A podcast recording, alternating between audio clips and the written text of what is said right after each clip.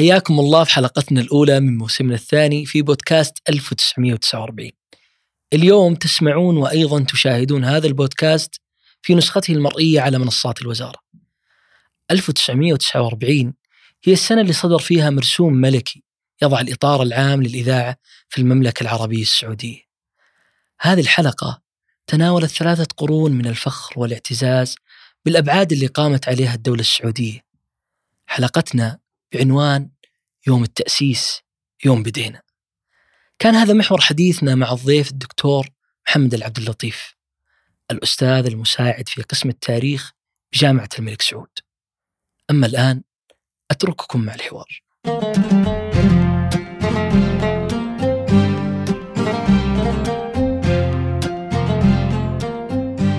أهلا وسهلا دكتور.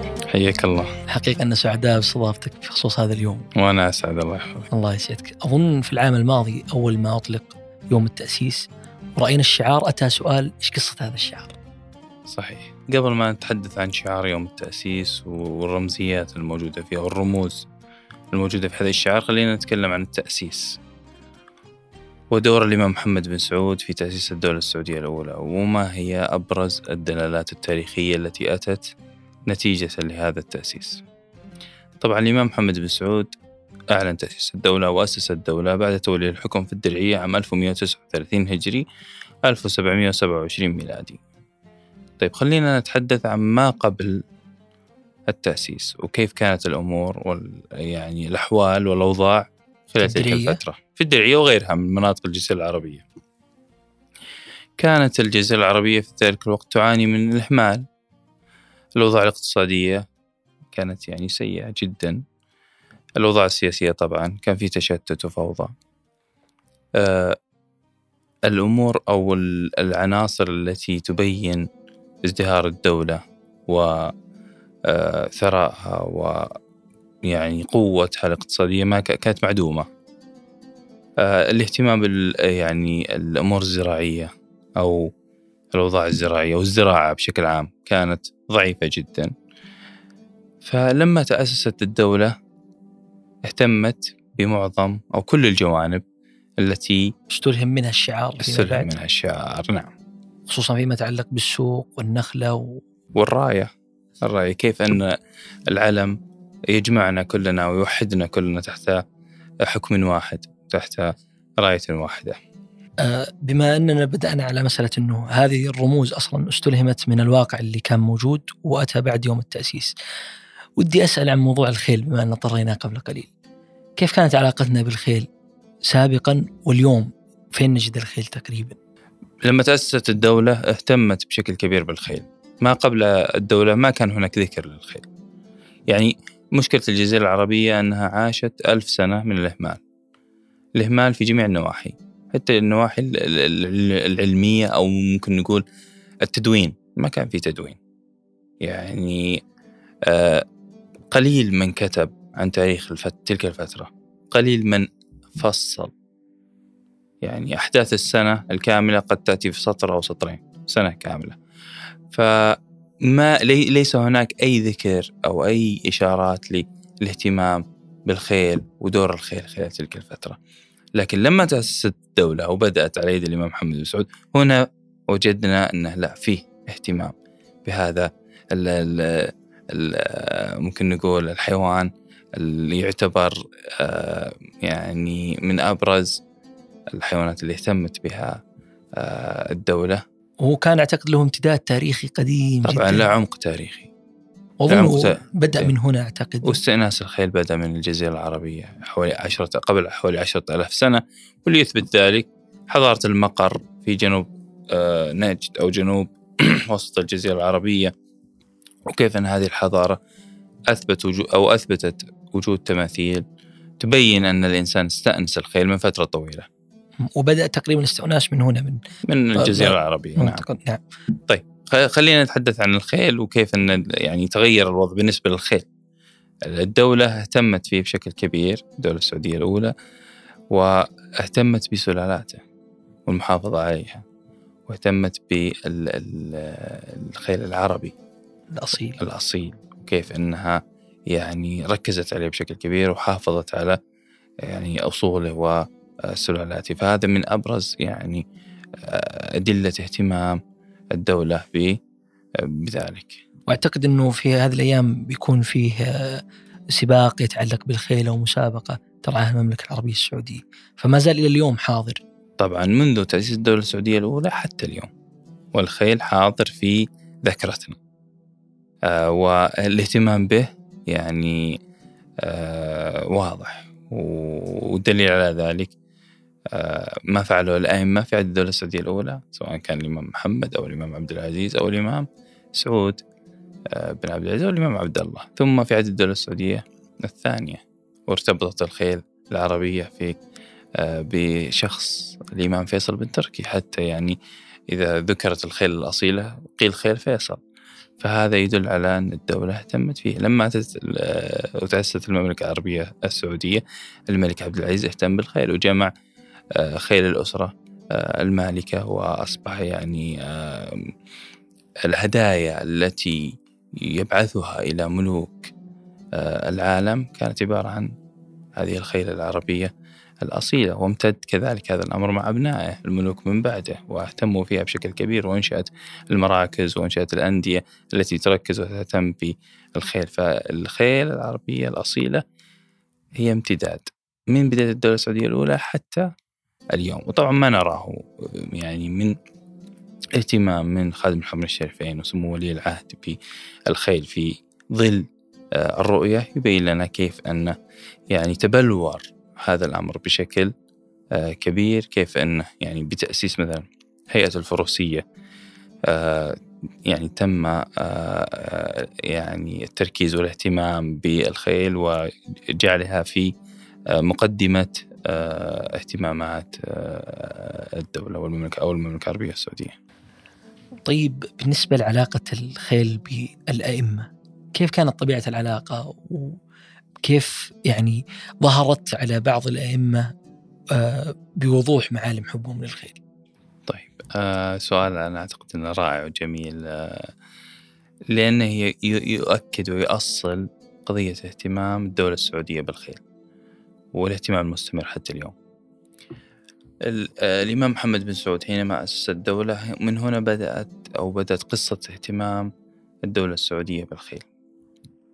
لذلك ظهرت اسطبلات يعني ممكن نقول أنها تجمع آه، أندر أنواع الخيل العربية الأصيلة آه، سواء كان في الدرعية أو في خارج نطاق الدرعية سواء كان في مثلا كان في اسطبلات في ضرما كان في اسطبلات في الحسا. طيب. هذا الاهتمام من الإمام محمد بن سعود استمر في عهد ابنه الإمام عبد العزيز ثم أتى الإمام سعود اللي أكد على هذا الاهتمام. كيف الإمام سعود بن عبد العزيز أكد على قضية أهمية الخيل العربي الأصيل ودوره في الدولة؟ كان يقتني أفضل أنواع الخيول ويجمعها حتى يعني يعني يهتم بها. ليس فقط أنه يجمعها حب أنه يجمعها لا لا. حتى تهتم الدولة بهذه الخيل العربية وسلالاتها وتستمر هذه السلالات تحفظ هذه السلالات وتكون في الجزيرة العربية ليس خارج الجزيرة آه، العربية.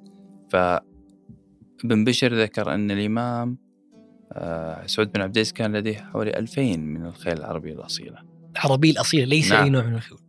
الخيل العربية الأصيلة وكان عدد حوالي 2000 وكان يعني دليل على اهتمام الإمام سعود وأنه يعني يرغب أن هذه الخيل تكون يعني يعني يعني يعطيها آه، قيمة أنه كان يغالي في أسعارها فإذا كان مثلا الخيل قيمته حوالي 60 إلى 70 مثلا جنيه ذهب كان يشتري ب 500 إلى 600 جنيه ذهب لماذا؟ ليجعل لها قيمتها الحقيقية ليجعل لها قيمة. وهذا وهذا الصحيح.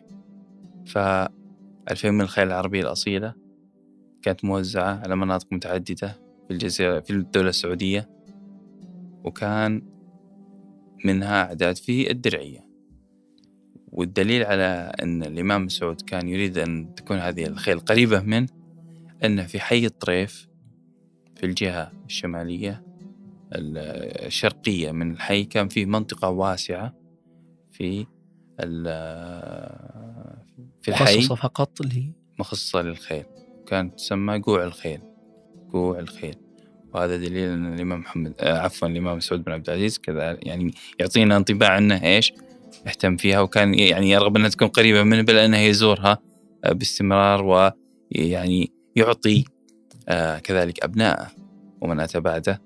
من آه من الأسرة المالكة يعطيهم هذا الشعور الاهتمام بالخيل وقد يعني آه، أثمر هذا الجهد. يعني حينما أتت الدولة السعودية الثانية كان الإمام فيصل بن تركي يعني أشهر آه، مهتم بالخيل العربي الأصيلة ولديه يعني اسطبل يعني يضم أندر كذلك أنواع الخيل العربية.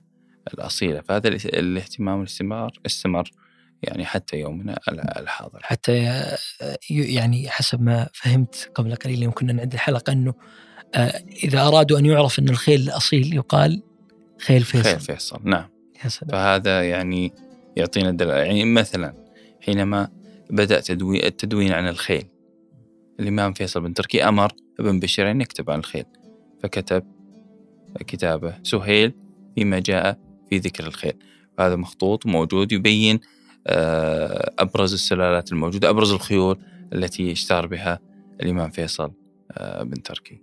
وهذا جعلها رمزا من رموز الشعار أظن أنه اهتماما ليس فقط محصورا على الخيل بل أيضا الصقر له رمزية كبيرة عندنا.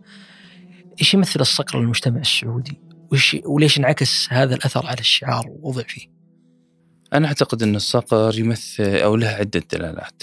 منها الرؤية كيف أن الصقر يعني يتمتع ب آه، قوة عالية في النظر. كذلك يعني ممكن نربطها في آه، تأسيس الدولة وكيف أن الإمام محمد بن سعود كان يمتلك رؤية مستقبلية كبيرة. كيف أنه يعني أتى وغير الأحوال بشكل كبير. كيف أن الدولة كان أو المنطقة عفوا تعيش حالة من الضياع والتشتت والفرقة. أتى وغير الأمور. ويعني ترى ألف سنة ما هي سهلة. ألف سنة يعني تعيش هالجزيرة العربية فترة طويلة جدا. تعيش يعني تجربة سيئة.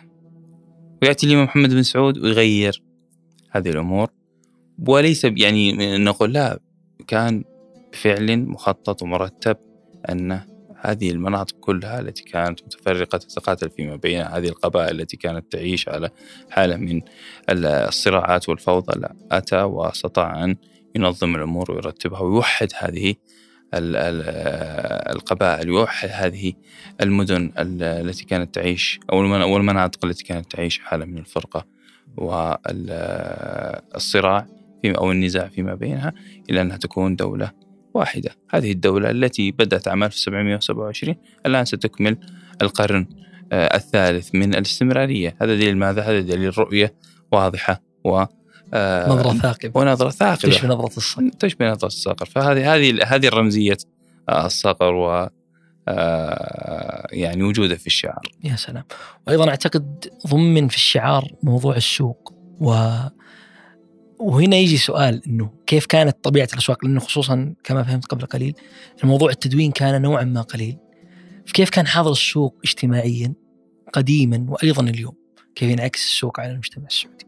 أعتقد إن السوق يعني ورمزيته تبين القوة الاقتصادية للدولة وازدهارها وكذلك الانفتاح على العالم. كيف أن أسواق الدولة السعودية الأولى في فترة من الفترات كانت تجلب لها البضائع من جميع أنحاء العالم. من الشام ومن مصر ومن العراق ومن عمان ومن الهند وإلى آخره. فهذا دليل أن القوة الاقتصادية للدولة كانت يعني آه، مزدهرة بشكل كبير. طيب كيف كان حال السوق في ذاك الوقت؟ خلينا نأتي مثلا للدرعية عاصمة الدولة. فابن بشر ذكر وصف يعني آه، آه، رائع عن السوق والحركة الاقتصادية آه، الموجودة آه، خلال تلك الفترة. وذكر أنه كان هناك سوق كبير وعظيم في الدرعية. وين هالسوق هذا؟ اسمه سوق الموسم. وين هذا يقع تقريبا؟ يقع بين البجيري والطريف. يقع بين البجيري والطريف. وكان يجلب له كل أنواع البضائع. وتباع فيه. سواء كانت لها علاقة مثلا بالأزياء والملابس والهدوم كما كانت تسمى في ذيك الفترة. آه، الحيوانات وما يباع فيها. كيف كانت العادات الاجتماعية التي تأتي في السوق وتكون حاضرة دائما في الأسواق؟ طبعا لكن خلي خليني قبل نتكلم عن أبرز البضائع اللي كانت تباع في السوق يعني كان في سوق للصاغه في يعني ضمن سوق الموسم. هذه يعطيك ما هذا يعطيك دلالة انه كان فيه يعني قوة شرائية في تلك الفترة كذلك كانت تباع يعني بضائع غالية وباهظه الثمن سوق للاسلحه والأسلحة المحلات بالذهب. فهو يعني يقول أني كنت أحضر السوق من مكان مرتفع. يعني ما هو من في وسط السوق لا في مكان مرتفع. ويقول أني ما أسمع إلا كلمتين بعت وشريت. بعت واشتريت فهذا دليل إيش؟ دليل أنه كان هناك قوة اقتصادية. كان السوق متحرك كذا. كان السوق متحرك. كان يعني في يعني آه، الناس يأتون إليه ويشترون أنواع البضائع الموجودة فيه. يبين قوة الدولة الاقتصادية وأن العاصمة كانت تجلب لها جميع أنواع البضائع من جميع أنحاء آه، العالم في تلك الفترة. فهذا يعطيك هذا نموذج طبعا للدرعية. كان فيه أسواق في جميع أنحاء الدولة في الحسا في آه، مكة في جدة في المدينة في بريدة في حايل في طبب في الجنوب. كلها كانت أسواق يعني مزدهرة. فهذا يعطيك فكرة عن رمزية السوق ودلالته. على أن كان في قوة اقتصادية للدولة أن الدولة وفرت كل ما يحتاجه المواطن وما يريد وما يرغب فيه آه، أو ما يرغب أن يشتري.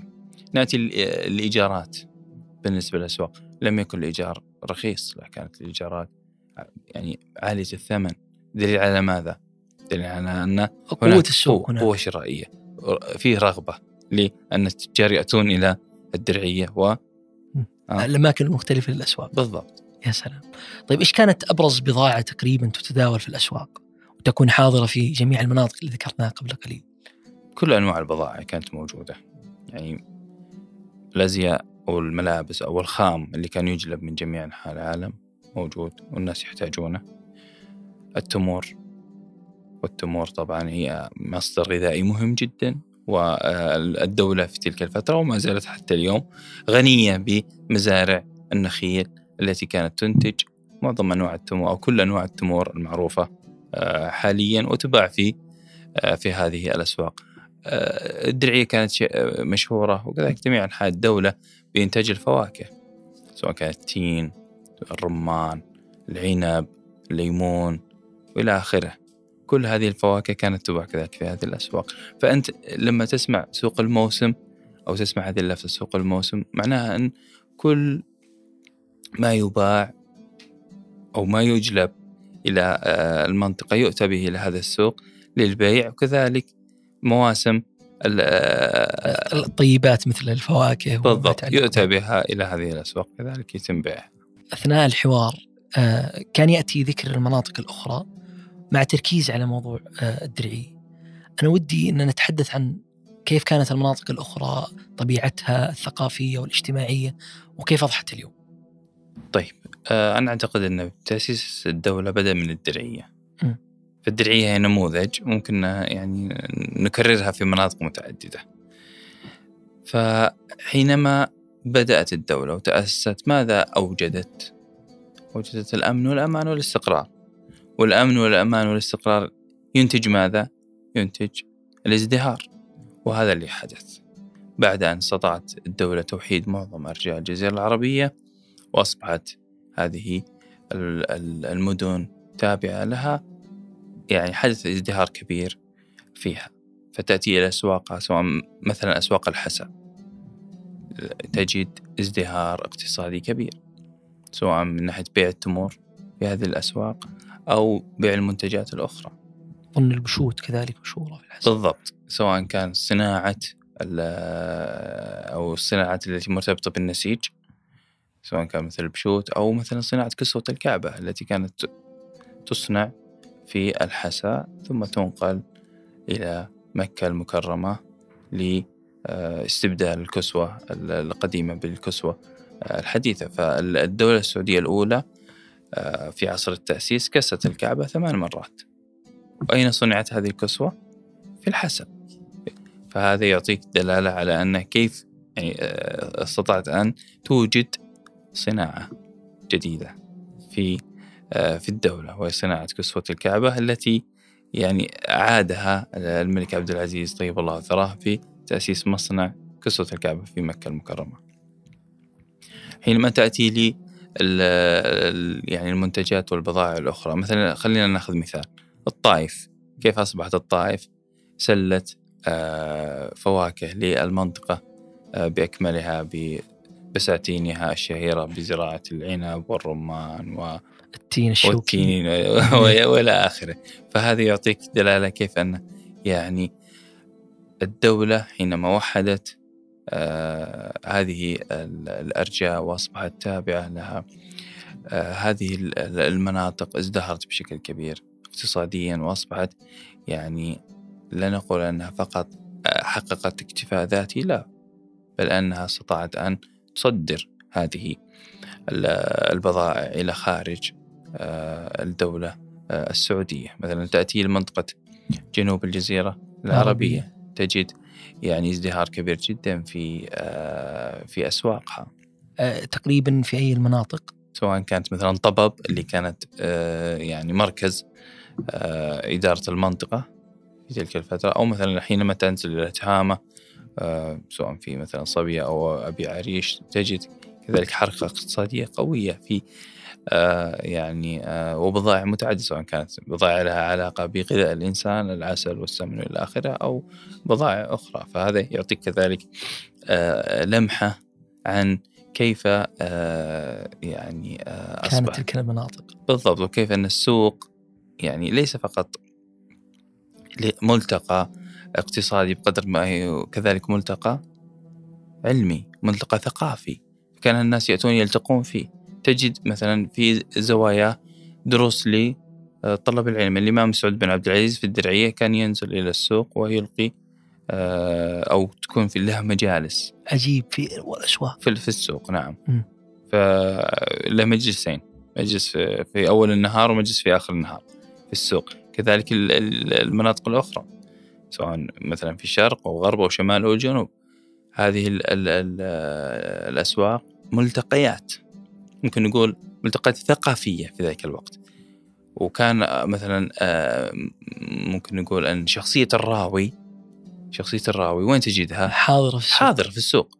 حاضرة في السوق وتجد أن الراوي يلقي قصصه ويلقي آه، رواياته والناس يستمعون له. وين؟ في السوق, في السوق. لماذا؟ لأنه لن يجد الجمهور إلا في السوق, في السوق أو قريب من السوق. ف... إذا هو حضور اجتماعي وكذلك اقتصادي.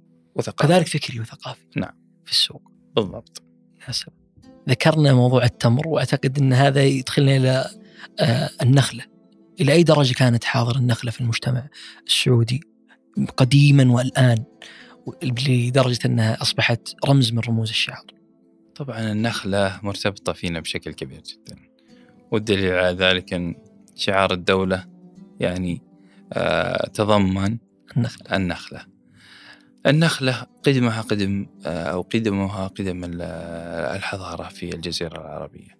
والدليل على ذلك أن عبيد بن ثعلبة وهو أول من استوطن آه، اليمامة بعد آه، بعد ما يعني أو بعد انقراض حضارة طوسم وجديس قبل حوالي 1600 عام حينما أتى للمنطقة استدل على أن هناك حضارة موجودة فيها من النخل من النخلة ومن التمر. أي نعم فاستقراره في المنطقة واختياره لوادي حنيف ليكون مستقرا له كان بسبب وجود آه يعني مثل ما نقول آه إمكانية زراعة النخل وتوفره. إمكانية إمكانية زراعية ووجود أساسا النخل بكميات كبيرة جدا. يعني اليمامة في فترته كانت تسمى الخضراء. لماذا تسمى الخضراء؟ لكثرة مزارع النخيل فيها. فمنذ ذلك الوقت واليمامة ومعظم أرجاء الجزيرة العربية التي يعني ممكن نقول, نقول أنها واحات للنخيل فيها سواء كانت مثلا بيشة أو المدينة المنورة أو الجوف أو الحسا. وطبعا وسط الجزيرة العربية كان فيه يعني مواقع متعددة منها الدرعية. كل هذه المواقع وال يعني المراكز مراكز الاستقرار ارتبطت بالنخلة وإنتاجها. يعني النخلة كلها خير. و آه، يعني لا لا تكلف المزارع شيئا فقط يعني يسقيها ويرويها ويقوم ب آه، يعني قيام بتلقيحها وفي النهاية يأتيه إنتاج يكفيه طول العام. ف وأظن إن في تشابه بين طباع النخلة وكذلك طباع إنسان الجزيره العربيه. بالضبط. يعني النخلة صبوره على البيئة التي يعني نعيشها. ف وكذلك لا تتطلب لا تطلب آه، الكثير. ف وتعطي الكثير. وتعطي الكثير. وتعطي الكثير. فهناك يعني لو أتينا كذلك للنخلة هل كانت آه، يعني تنتج أو آه، هل كان النخيل نوع واحد؟ لا. انواع مختلفة. أنواع مختلفة. وأيضا يزرع في مناطق مختلفة. ويزرع في مناطق مختلفة. كل هذه الأنواع طبعا آه وكل منطقة طبعا لها تتميز بالنوع الخاص فيها سواء كان مثلا الدرعية تتميز بأنواع معينة الحسا يتميز بأنواع معين الجوف وهكذا إلى آخره. والمدينة طبعا فيها العجوة. ف آه النخلة يعني أنا أعتقد إنها لها رمزية مهمة جدا في حياتنا سواء كانت ترمز الشموخ والصمود وكذلك العطاء. فهذه الرمزيات ارتبطت كذلك في هذا الشعار شعار يوم التأسيس وكيف أن النخلة كما ذكرت وتفضلت تمثلنا إحنا كسعوديين يا سلام. إحنا بدأنا الحلقة وذكرنا أبرز معالم الشعار وذكرت العلم ورجعنا الحديث إلى الآن. كيف علاقتنا أو كيف تطور أصلا العلم السعودي منذ آه، نشأة الدولة على يد الإمام محمد بن سعود وصولا إلى اليوم؟ وكيف كان حاضر في جميع المحافل؟ طبعا العلم رمزية مهمة جدا لأي دولة. وكيف أن العلم يوحد آه، القيادة ويوحد الشعب. آه، كيف أن كلنا نعيش في ظلال هذا العلم الذي يعني نعتز فيه ونرتبط فيه. لو أتينا للجزيرة العربية قبل تأسيس الدولة كل منطقة أو كل مدينة أو كل آه، موقع له يعني علم خاص فيه. وهذا يعطيك دلالة كذلك على مدى ما كانت تعيش الجزيرة العربية انتشت تتفوضى إلى آخره لكن حينما بدأ الإمام محمد بن سعود مسيرة التأسيس رفع العلم السعودي. ومن هنا بدأت وكيف كان شكل العلم السعودي أول ما تأسس؟ هو نفس العلم الحالي. هو امتداد. طبعا العلم في في بدايته أخضر اللون وكتبت آه، عليه آه، كلمة التوحيد. لا إله إلا الله محمد رسول الله. اختلافه عن العلم الحالي اختلاف. فقط أنه في الجانب الذي المرتبط بالسارية سارية العلم آه، فيه يمكن نقول من عشرة إلى عشرين في المية يكون أبيض اللون. آه، وكذلك لم يكن فيه السيف. لطيف. نعم لكن العلم قديما بدأ باللون الأخضر. اللون الأخضر وكلمة التوحيد. يا سلام يا نعم. سلام. فالرموز الأساسية للعلم كانت موجودة اللون و وكلمة التوحيد. حينما أتت المملكة العربية السعودية أو تأسست المملكة العربية السعودية على يد الملك عبد العزيز واعتمد آه نظام العلم أضيف السيف. أضيف السيف. السيف. لكن العلم السعودي منذ أن تأسست الدولة عام 1727 وهو يعني لم يتغير إلا فقط تغييرات بسيطة تنظيمية آه، لشكل العلم ويعني ممكن نقول رسمه لكن أساسياته موجودة لم تتغير. لذلك العلم السعودي يعني قصته بدأت من التأسيس. شكرا جزيلا لك دكتور محمد العبد اللطيف. على هذا التطواف الماتع اللي بدأنا فيه بيوم التأسيس وقصته وصولا إلى الرمزيات الكامنة فيه. شكرا جزيلا. شكرا لكم الله يحفظك. الله يسعدك. شكرا لك دكتور حياك الله. يعطيك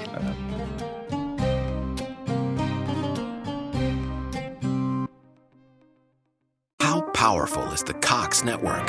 So powerful that one day the internet will let your doctor perform miracles from thousands of miles away, Connecting to remote operating room. giving a whole new meaning to the term house call. Operation complete. The Cox network, with gig speeds everywhere, it's internet built for tomorrow, today. Cox, bringing us closer. In Cox serviceable areas, speeds vary and are not guaranteed. Cox terms apply, other restrictions may apply.